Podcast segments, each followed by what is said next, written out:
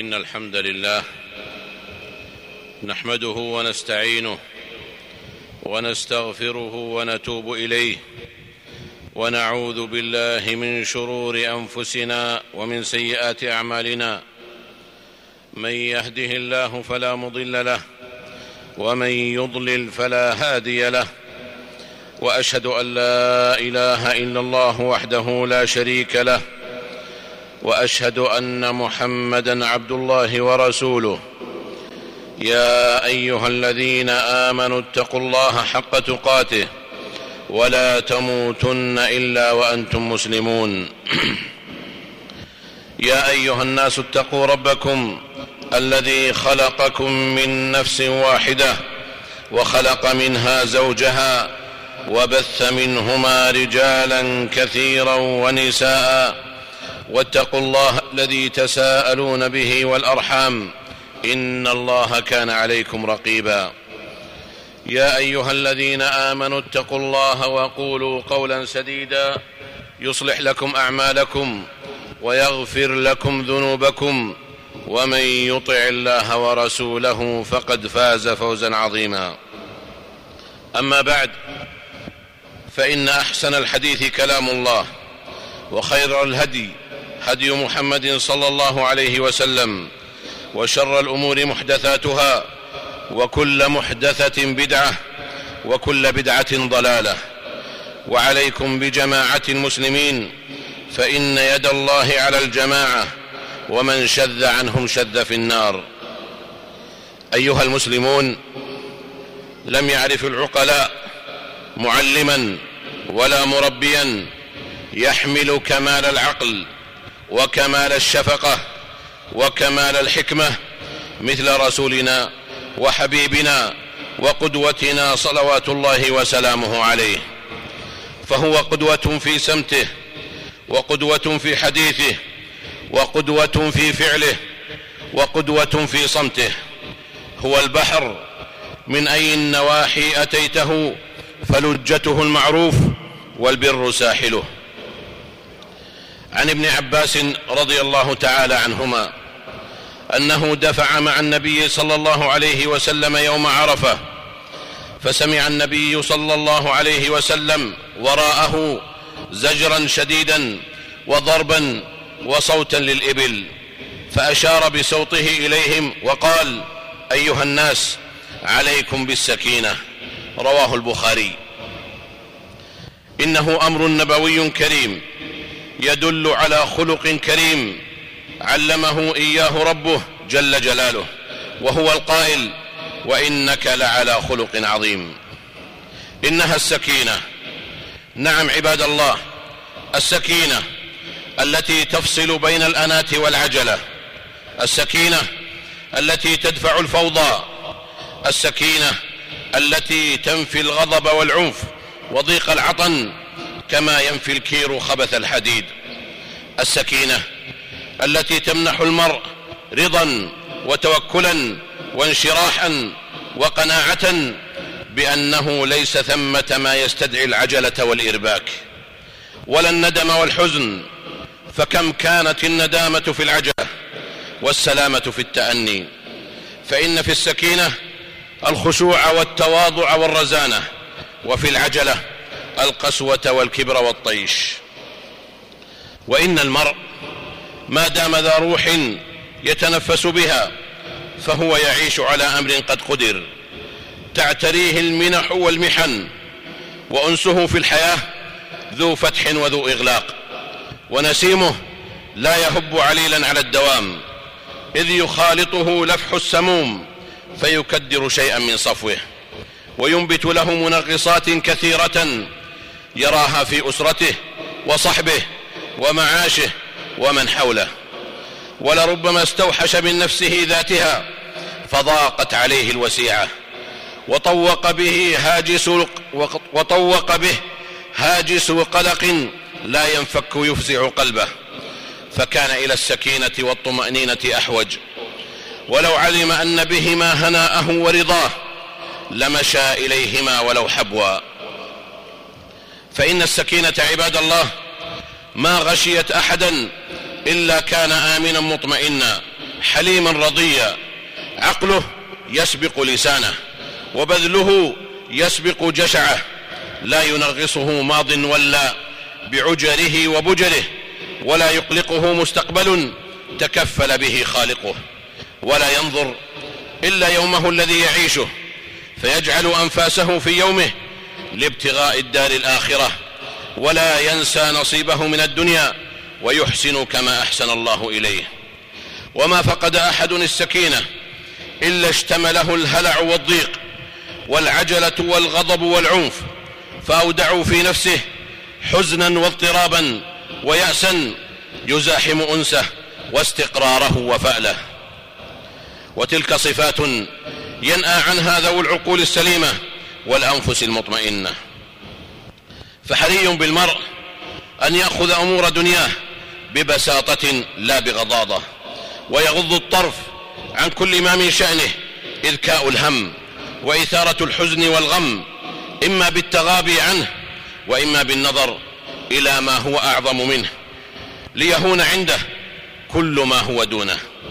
فإن الغبي ليس بسيد في قومه لكن سيد قومه المتغابي. وإن مما علمنا وإن, وإن مما علمناه من هدي شريعتنا الغراء أن الهم والقلق المفرطين خطر على مجموع الأمة وإنتاجها. لأن من الخير لكل مجتمع مسلم أن يستقبل يومه ببشر وفعل وأمل كي يستفيد ذووه من أوقاتهم ويغتالوا القعود والقنوط قبل أن يجهز عليهم. إذ لا يظن بعاقل أن يزهد في السكينة والأنس والرضا والمرء إذا ما غلبته أعراض قاهرة سلبته الطمأنينة والرضا فإنه يجب عليه أن يعجل بالتداوي الناجع الذي دل عليه ديننا الحنيف. لئلا يستسلم لقوارع الهموم التي تحل العجز والكسل محل الهمة والجد والعمل والهموم وإن كانت شعورا وليست مادة إلا أنها أشد أثرا إلا أنها أشد أثرا من المؤذيات المادية الحسية.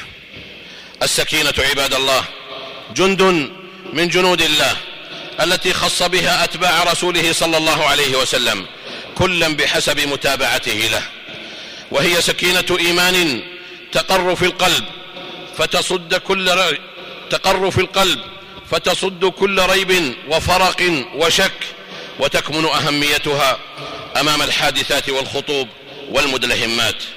فإن الله وهبها عباده المؤمنين في مواطن عصيبة كانوا أحوج إليها من الطعام والشراب.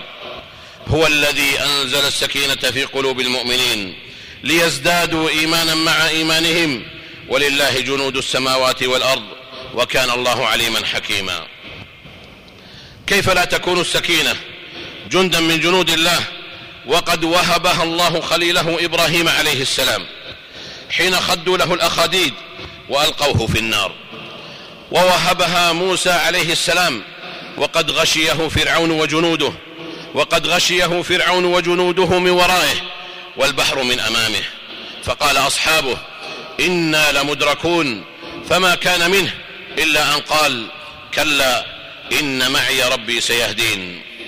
إنها السكينة التي وهبها الله رسوله صلى الله عليه وسلم. وقد أطبقت أقدام المشركين على الغار على الغار الذي دخله هو وصاحبه رضوان الله عليه واحاطوا به إحاطة السوار بن معصم إذ يقول لصاحبه لا تحزن إن الله معنا.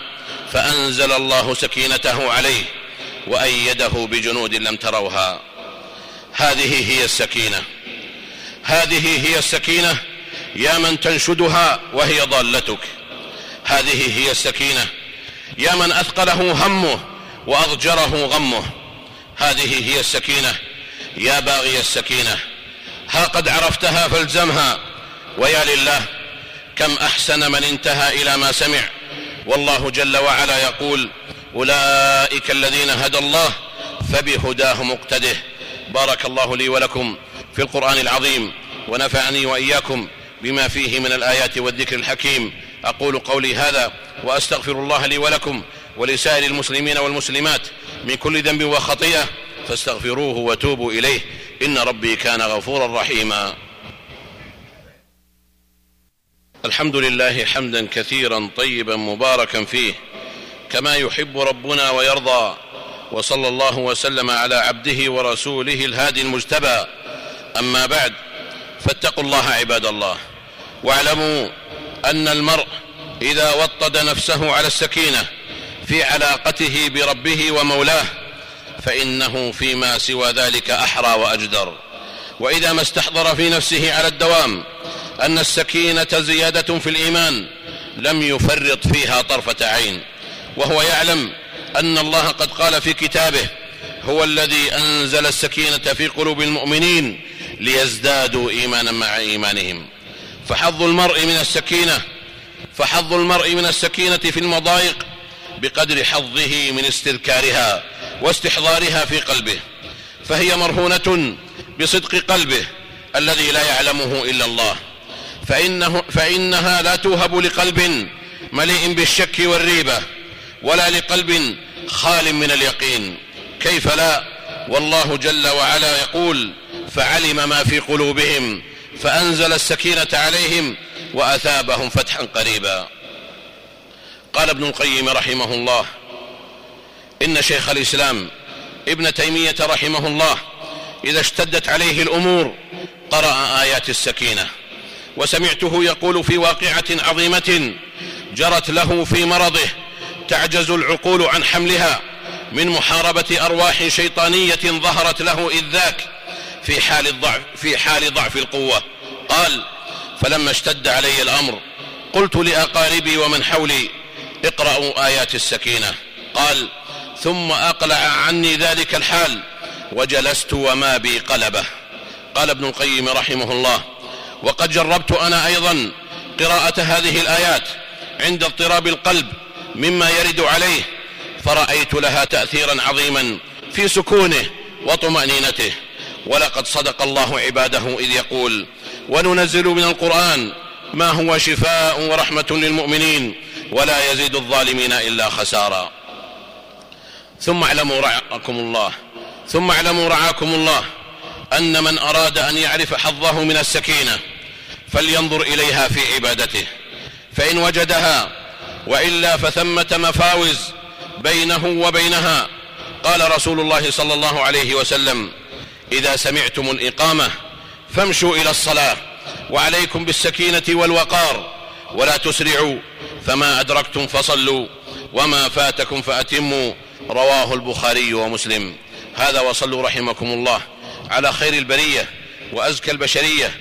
محمد بن عبد الله فقد أمركم الله بأمر بدا فيه بنفسه وثنى بملائكته المسبحة بقدسه وأيه بكم أيها المؤمنون فقال جل وعلا يا أيها الذين آمنوا صلوا عليه وسلموا تسليما. اللهم صل وسلم على عبدك ورسولك محمد صاحب الوجه الأنور والجبين الأزهر.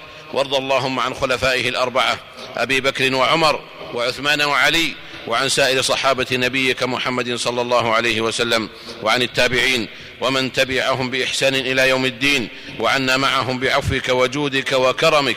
يا أرحم الراحمين. اللهم أعز الإسلام والمسلمين. اللهم أعز الإسلام والمسلمين. وأخذل الشرك والمشركين. اللهم انصر دينك وكتابك وسنة نبيك وعبادك المؤمنين. اللهم فرج هم المهمومين من المسلمين. ونفس كرب المكروبين. واقض الدين عن المدين واقض الدين عن المدينين. وتقبل حج الحجاج والمعتمرين يا ذا الجلال والإكرام يا حي يا قيوم. اللهم آمنا في أوطاننا وأصلح أئمتنا وولاة أمورنا واجعل ولايتنا في من خافك واتقاك واتبع رضاك يا رب العالمين.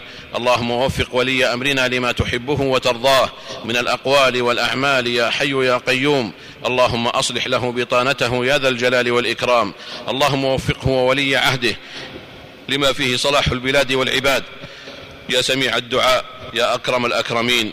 اللهم آتنا في الدنيا حسنة وفي الآخرة حسنة وقنا عذاب النار. سبحان ربنا رب العزة عما يصفون وسلام على المرسلين. وآخر دعوانا أن الحمد لله رب العالمين.